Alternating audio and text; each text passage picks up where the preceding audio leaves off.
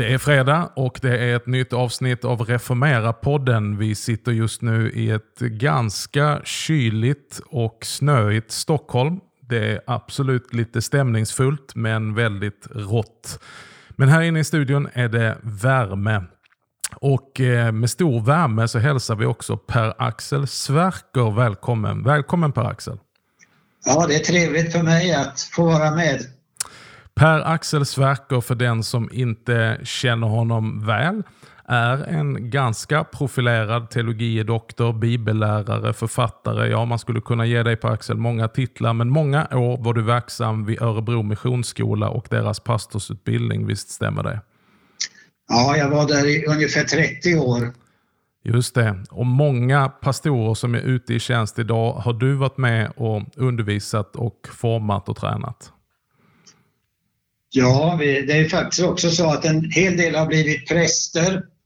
Mm. Kanske inte så många EFS-präster, men präster inom den mer reguljära Svenska kyrkan. Just det. Det är väldigt intressant. Du, eh, du har, jag brukar säga, jag talar ju mycket, grann, eh, mycket och ofta om, om ett begrepp som jag kallar för helkyrklighet. Det är ju en lek med ord när folk undrar är du högkyrklig, lågkyrklig, frikyrklig eller folkkyrklig så brukar jag på skoj säga att jag är helkyrklig. Men det är också ett koncept där jag försöker lansera en, en, en teologi som eh, tar fullheten och helheten och så inte, inte så enkelt bara stoppas in i ett fack. När jag har kommit i kontakt med dina texter Per-Axel så tycker jag att du har en spännande teologisk mix. Det är ofrånkomligt så att du har en väldigt tydlig lutherskt inslag när det kommer till försoningen och rättfärdiggörelse genom tro. Men det är också en tydligt baptistiskt drag och ett karismatiskt drag. Stämmer min lilla korta analys? Och berätta lite mer om det. Ja, det stämmer ju. Det är ju högst medvetet eftersom jag har arbetat med teologi men samtidigt kan jag nog säga att eh, det lutherska inslaget egentligen inte kom via teologer utan via några oerhört fina och härliga EFS-are i Svalöv på 70-talet som lärde mig vad frälsningsvisshet betyder. Trots att jag vuxit upp som pastorsson inom Helgelseförbundet så behövde jag den undervisningen. Så Eh, sen har ju det förmerats genom läsning utav bland annat EFS-teologer. Men eh, eh, det är alltså egentligen de så kallade vanliga kristna som eh, ledde mig in på det spåret. Det var väldigt fint att höra. Det visste jag faktiskt inte. Att du, du har alltså en bakgrund där du har varit i EFS-miljö. Ja, vi har till och med varit eh, ansvariga för både det som då kallades FGPG och tonårsgrupp. Så vi blev associerade medlemmar i EFS fast det inte fanns. Mm -hmm. Så eh, fick vi den beteckningen eftersom vi var så engagerade i den EFS-föreningen. Och då gissar jag att du kom du i kontakt naturligtvis som teolog sen så är du ju mycket medveten om detta. Men då kom du i kontakt med Rosenius texter misstänker jag? Ja, fast kanske ännu mer Luther. Mm. Det var nog egentligen Luther själv som fick eh, företräde framför Rosenius och det berodde mycket på att jag blev god vän med professor Hägglund. Jaha, så, Bengt Hägglund i Lund. Ja, precis. Märkligt nog så fäste han sig väl vid att en baptistisk frikyrklig teolog hade det här intresset för Luther så vi, eh, han följde mig senare i mina studier, också när jag sysslade med John Stott. Det är ju väldigt intressant. Vad, vad anser du själv på Axel, vad, vad det var som fångade dig och, och skapade intresse för det lutherska med din helgelseförbundet och baptistiska bakgrund? Vad var det som det tillförde? Ja, egentligen i den ursprungliga situationen där i Svalöv så var det nog just frälsningsvissheten Mm. Jag var ju van från baptistiskt håll att förklara min kristna tro utifrån det val som jag hade gjort. Just det. Ofta då i en eh, utpräglad väckelsemiljö. Men eh, det svar som mina vänner inom EFS gav var ju att eh, jag är frälst på grund av Jesus Kristus. Och det är han som är förklaringen till min frälsning. Mm. Och sådana tankar att liksom förklara det utifrån nådesperspektivet i så totala termer, det var inte jag van vid utan jag hade ju mer hört en förkunnelse där man försökte lägga samman Guds nåd och människans beslut. Just det. Medan här fick jag den här eh, radikala, totala beskrivningen av vad Guds nåd har gjort. Och Det känns som att detta har präglat dig på ett väldigt tydligt sätt i hela din teologiska gärning. Jag lägger bara märke till i våra mejlkonversationer vi har haft bakåt genom åren så slutar du alltid dina mejl med den lilla strofen Lev bara i Guds nåd. Visst stämmer det på Axel? Ja, det väcker väl en viss uppmärksamhet men jag tycker att det är en god hälsning att ta med sig in i alla situationer.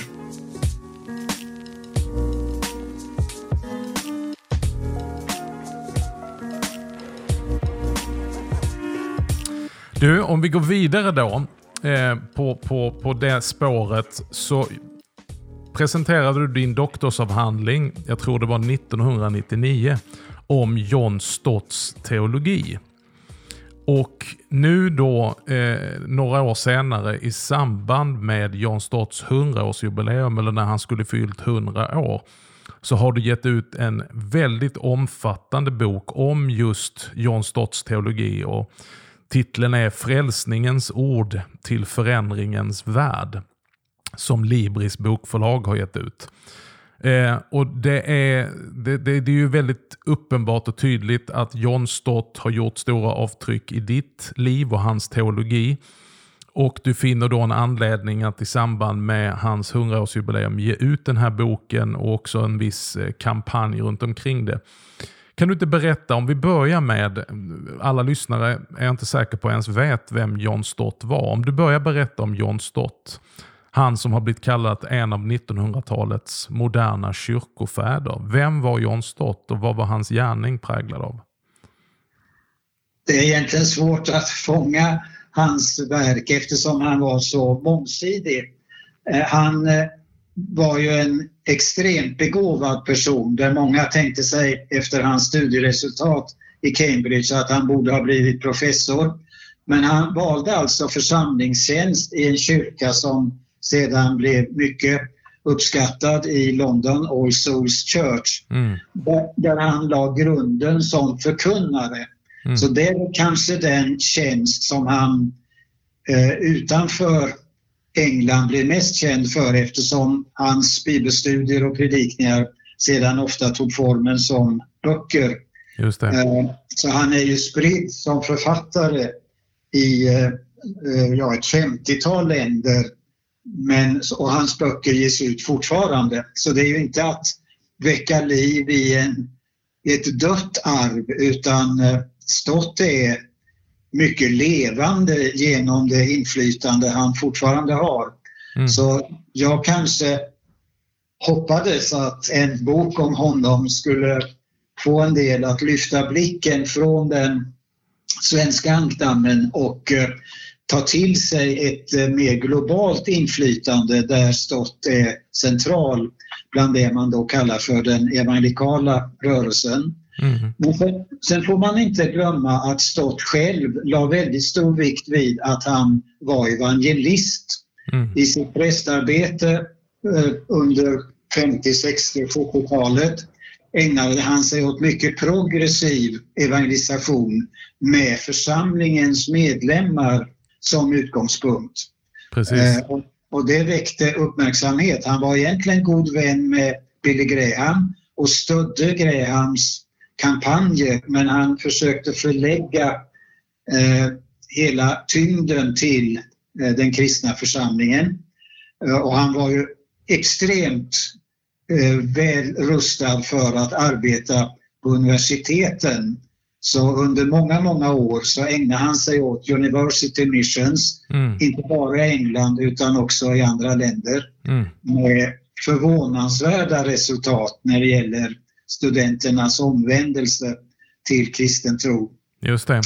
Så här har vi alltså egentligen då en engelsk kyrkoherde som mitt i London är kyrkoherde för en eh, församling som blir ganska växande eh, inom den anglikanska kyrkan och som sen blir en huvudperson i eh, många stora initiativ inom den evangelikala rörelsen. Jag tänker på Lausanne-deklarationen och allt det som har skapats kring det. Och sen hans enorma författarskap. Hur många böcker har han på sitt samvete höll jag på att säga? Ja, det rör sig om ett 50-tal. Ja. När jag hade skrivit min avhandling eh, då 99, då var ju han 80 år ungefär. Och då trodde jag ju att hans insatser var avslutade. Men efter den tidpunkten så har han ju ändå skrivit fem, sex böcker. Eh, så att han, han var verksam in i det sista. Eh, och eh, det är naturligtvis böcker med olika kvalitet och olika genomslag. Men några av dem är ju eh, klassiker och som sagt publiceras fortfarande på många olika språk. Vet du på rak arm hur många av hans titlar som har kommit ut på svenska? Det är väl ett, eh, ja i varje fall över tiotalet, mellan 10 och 15. Och den mest kända är det eh, Korset? Ja, det är det ju också på det sättet. Alltså den kom ju lite senare så att eh, jag tror kanske att hans lilla häfte om förnuft och känsla i Sverige hjälpte många mm. både att upptäcka stott men också att eh, eh, så att säga gå in i ett teologiskt arbete med större frimodighet. Men, eh, men sen är det ju ingen tvekan om att tyngden i hans teologi ligger ju i den boken om korset. Mm, mm.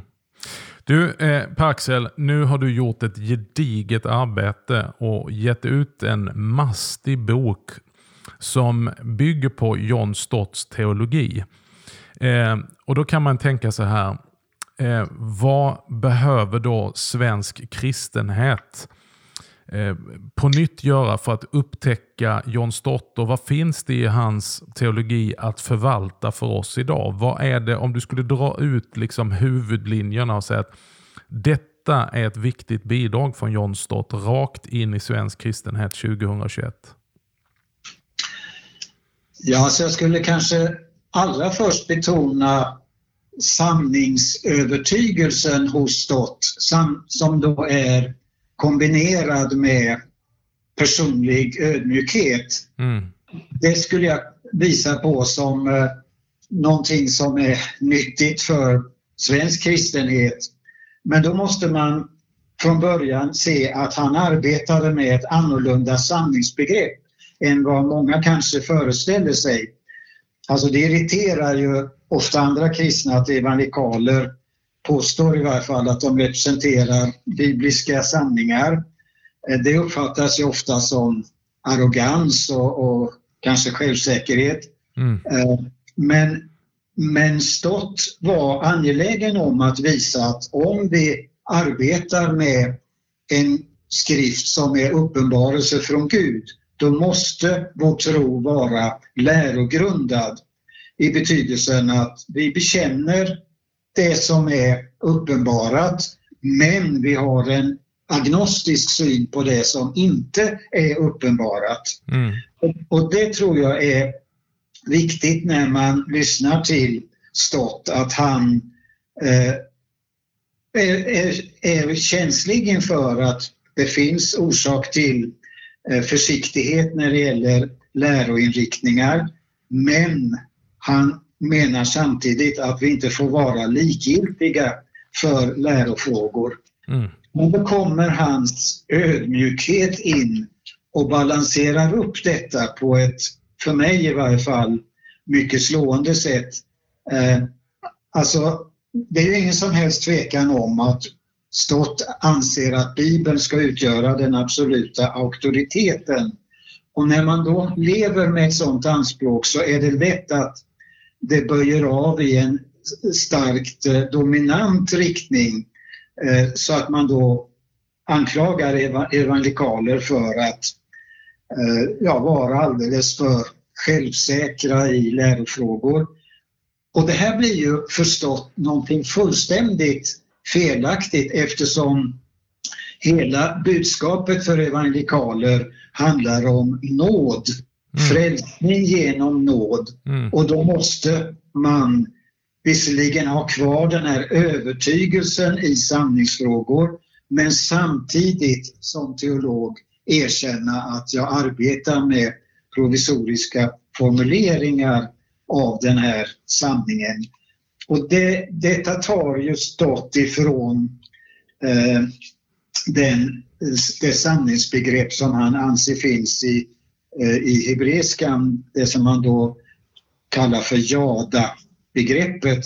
Där Stott säger att i jada-sanningen finns både en, eh, en sann information, alltså där finns den här dubbelheten av att man har med sig rätt teologi men där ligger också en personlig existentiell sida.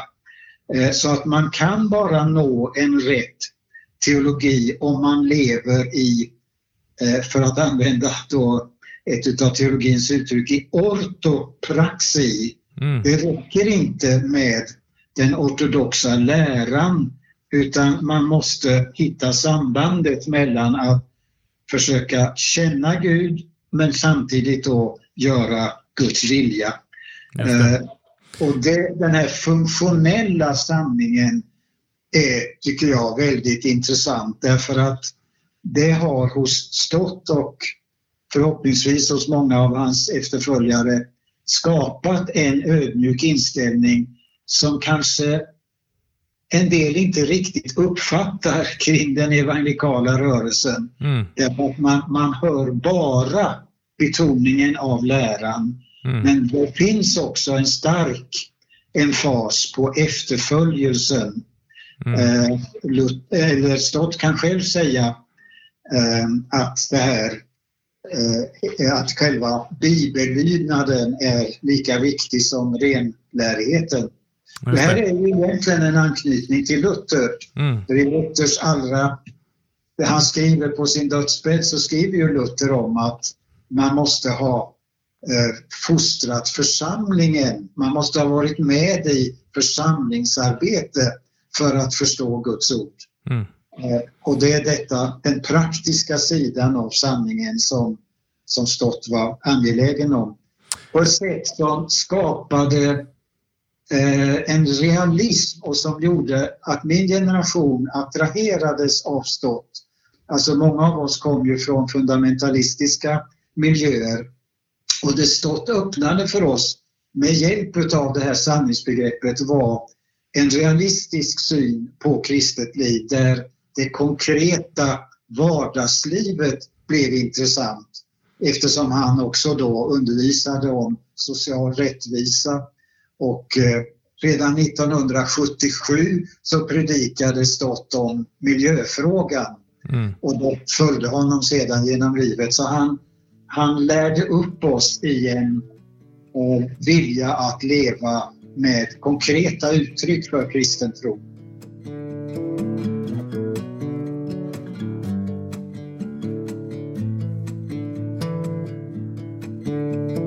Jag tänker på någonting du nämnde alldeles i början när du beskrev John Stott som jag tycker har varit eh, tydligt i, i de mm, stunder jag har kommit i kontakt med John Stotts, alltifrån kommentarer till hans böcker. Du kallade honom för att han var framförallt en evangelist. Ja. Och Det tycker jag är så slående. Även om man läser en bibelkommentar till en bibelbok så ser man väldigt tydligt att det är naturligtvis den mycket gedigne teologen som talar, men hela tiden med en evangelistisk udd eller en evangelistisk ådra. Eh, och här kretsar ju hela tiden, även din bok, kring just frälsningens kors, frälsningens ord och frälsningens kontext. Det är ju någonting du lyfter fram. Kan du säga någonting om det? Vad, vad, eh, är det detta som eh, Stotts starka försoningsteologi? Är det någonting vi behöver kanske ta till oss idag i Sverige? Ja, det skulle jag ju verkligen vilja understryka. Även om vi då står inför stora svårigheter på flera olika sätt med motstånd både inom många kristna kyrkor men också med bekymret att det kanske inte är så lätt att göra det budskapet förståeligt idag. Mm. Men det som är poängen hos Stott där är ju att hela hans kristna tro på ett mycket genomgående sätt är Jesus-centrerad. Mm. Alltså han är utan tvekan en trinitarisk kristen. Han började varje dag med en bön till Triniteten. Mm. Men eh, han eh, har sitt fokus på Jesus Kristus ja, och trodde på den Gud som är uppenbarad i Jesus. Så han eh, skriver på ett ställe att kristendomen utan Jesus är en ram utan bild. Mm. Ett smyckeskrin utan smycke och en kropp som inte andas. Så för, förstått är eh, själva synen på Jesu person den fundamentala testen för en evangelikal tro. Eh, och då knyter han det naturligtvis till Jesu gudom. Men han är ju då, eh, och det skulle jag önska att många kunde förstå eller erkänna, han är ytterst angelägen om att beskriva en försoning som ett inomtrinitariskt skeende. Mm. Alltså det är inte så att Stott skulle säga att Jesus som människa i korsets verk måste övertyga Gud om att bli snäll. Mm. Alltså det är inte på något sätt möjligt att anklaga Stott för att det är ett skeende där Jesus blir ett människooffer mm. som blidgar Guds vrede. Mm. Utan hela hans teologi är mycket uppenbart knuten till att försoningen sker inom Triniteten genom att Gud, Sonen, dör syndarnas död. Mm. Eh, alltså det är gudomen som offrar sig själv i kärlek och i helighet. Eh, så för förstått är det Eh, väldigt klart att man måste predika den Jesus som är den enda som kan frälsa eftersom han samtidigt är eh, Guds son. Eh, och det där ligger ju svårigheten i att få människor att lyssna till det därför att eftersom vi inte lever med någon tydlig syndamedvetenhet så, utan istället kanske gör oss föreställningar om en slags allmän godhet hos människor så, så blir det svårt att tänka att vi är så hopplöst mycket syndare att Gud måste dö för oss. Mm. Alltså det, en sån förkunnelse möter naturligtvis motstånd. Eh, och där kommer ju evangelikal teologi i konflikt med all religiositet. Alltså den förkunnelse som stått har om Jesu död, den blir samtidigt en dom över religiositeten därför att ingen religiös människa har någonsin längtat efter en korsfäst Gud. Precis. Man försöker lösa frälsningsfrågan på andra sätt. Mm. Eh. Och där hamnar vi ju hela tiden genom historien och även i vår tid att vi vill hellre ha en guru att följa än en frälsare som faktiskt dör i vårt ställe för oss. Eh, men det jag tycker att Stott håller ihop på ett fantastiskt sätt det är ju att det här är ett objektivt verk som sker utanför oss, utan vår medverkan, helt oberoende av oss, men som vi också har en subjektiv erfarenhet av. Där den väldigt starka eh, och naturligtvis underbara och det som ger visshet, det här med den objektiva sanningen av försoningen lyfts fram, så kan du ibland göra det på bekostnad av den subjektiva erfarenheten, vilket jag i min lilla läsning av Stott menar han lyfter fram väldigt tydligt. Och vilket jag tycker eh, finns också ett behov av i det här jag kallar för helkyrklighet.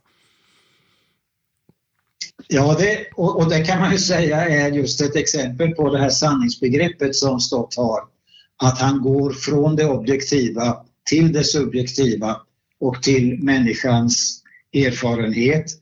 Eh, och, och då blir ju just som du själv eh, säger, själva frälsningsvissheten den väsentliga delen. Alltså det är ju, för enligt många kyrkohistoriker så är det gåvan från den evangelikala teologin till mm. den övriga kristenheten.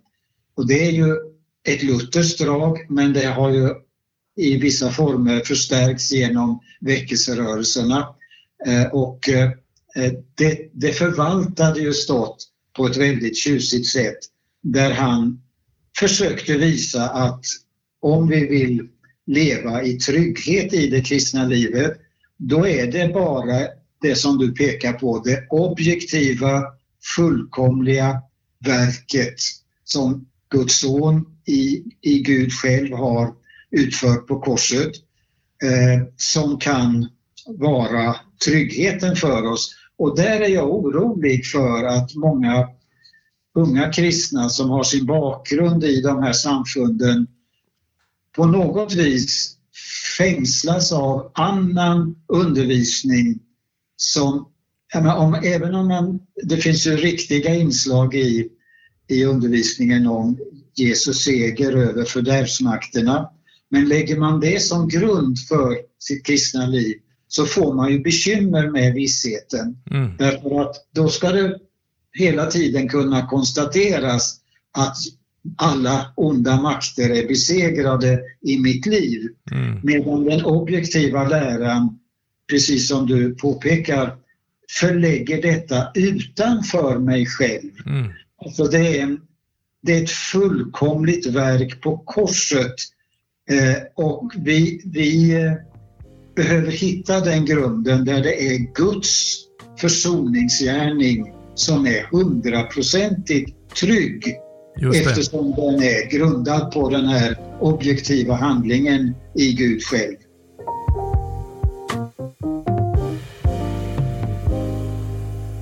Och Då kommer vi till nästa steg som också är en del av huvudtiteln på din bok. Frälsningens ord. Alltså hur kommer då detta verk till oss och förverkligas i oss? Eh, dela lite om det Per-Axel.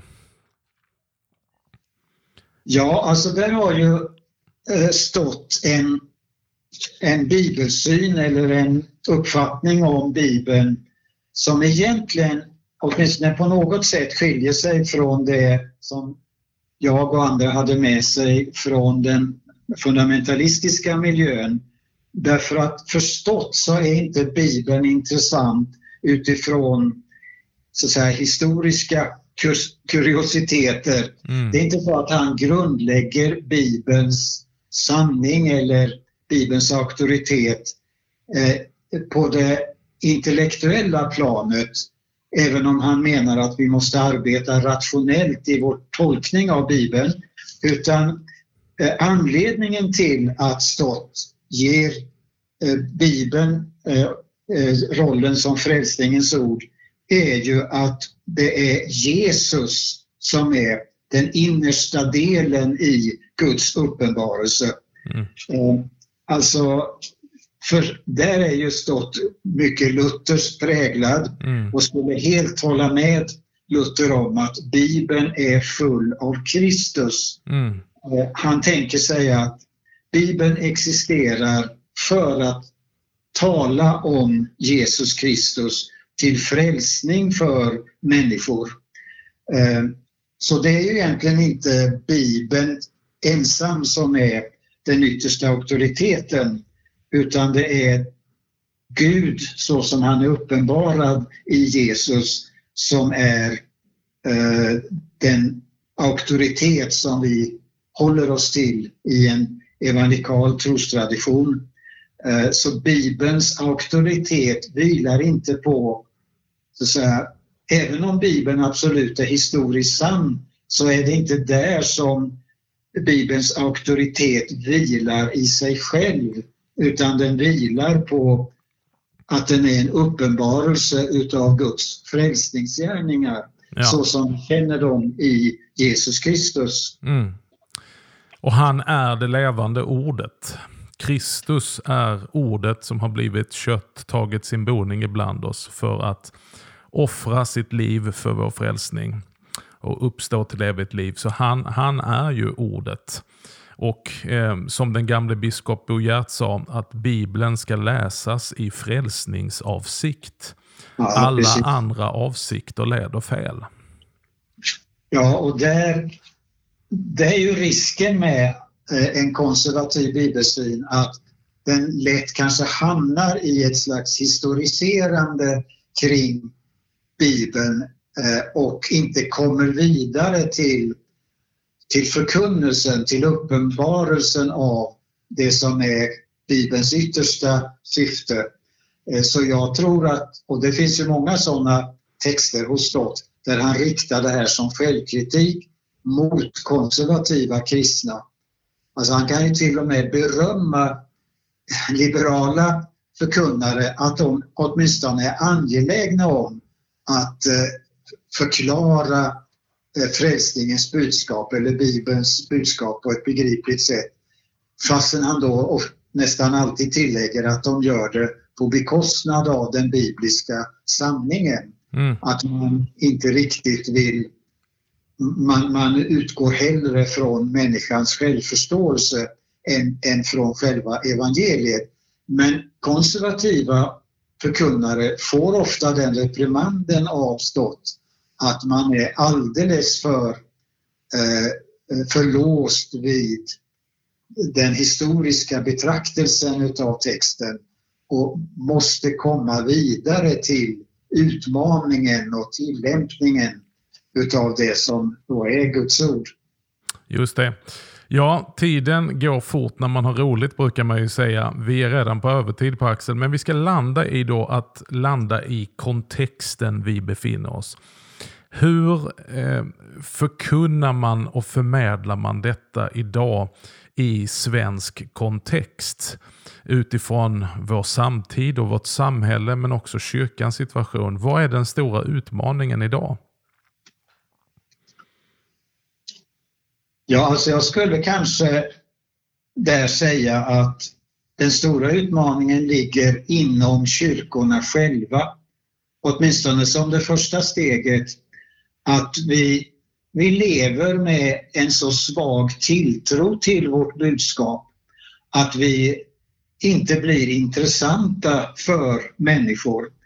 Och det tror jag allt för många uppfattar kring kyrkorna så det ligger inget originellt i att påstå att den kristna kyrkan befinner sig i en kris. Och för mig som jag tolkar den krisen så beror det på att de förslag som ges till lösning som jag har uppfattat det nästan alltid pekar på att vi ska göra någonting. Mm. Eh, alltså det finns handlingar som man menar ska förnya oss om vi sjunger vissa lovsånger eller om vi ber på ett visst sätt eller om vi åker på den konferensen eller så. Eh, så det mänskliga har blivit avguden bland oss kristna.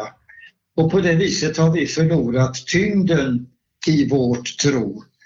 Eh, och där skulle ju då den här kristologiska aspekten hos Stott slå igenom väldigt tydligt och han skulle säga tillsammans med reformatorerna Jesus alena. Alltså, mm. Han är naturligtvis helt klar över att det finns förmaningar i Bibeln om vad vi ska göra. Men att de här förmaningarna förutsätter att vi känner till den oändliga storheten i Guds nåd till frälsning. Just det. Jag skulle våga det påståendet att det gör inte många kristna idag. Alltså, jag hör väldigt sällan någon kristen tala om Guds nåd i frälsningen. Man talar om att det var Guds nåd att man fick pengar till att åka till Kreta. Men, men eh, eh, så nästan allt talar istället om vad vi borde göra och vad som måste ske och vad vi ska känna och sådana saker. Medan korset, så som det är beskrivet hos John Stott, uppenbarar Guds nåd där mm. betoningen ligger på vad Jesus har gjort. Exakt, en betoning på vad Gud i Kristus har gjort för oss snarare än att börja med vad vi ska göra för Gud. Ja, precis. Och där kan man ju säga kanske, fast det är ett kontroversiellt påstående, att en del Gudsrikes förkunnelse, när den blir felaktig, den lutar ju mot en sån förståelse av evangeliet att man liksom kommer in i ett arbete. Mm. Eh, medan det evangelikala budskapet är att Gud har gjort allt arbete för vår frälsning. Mm. Amen till det. Jag uppskattar ju John Stott, eh, det lilla jag har läst eh, och kommit i kontakt med honom, så oerhört för att han representerar en sund och samtidigt radikal mittfåra. Jag kommer ihåg när jag läste boken Balanced Christianity. Eh, och då så får han ju frågan, hur kan du, och det här är ju länge sedan, det är ju 30-35 år sedan tror jag han skrev den boken minst. Eh, och då får han frågan, hur kan du som konservativ bibeltroende eh, stå kvar i den anglikanska kyrkan som man då menar att Church of England var så sekulariserad i olika ställningstagande. Och då vet jag att det är ett citat jag har sparat på, jag har använt det väldigt många gånger där John Stott säger det enklaste som finns det är att antingen stanna kvar och cave in, som han säger, så att ge sig och böja sig. Eller att bara get out. Men vad vi behöver idag, för kyrkans skull, it's people that stay in without give in. Alltså han talar om att våga stå upp eh, för läran och för evangelium och för Kristus i kyrkan. Så som han också tills sin död förblev trogen i den kyrkan. Ehm, och Jag tänker att mycket kyrkokritik idag missar lite målet.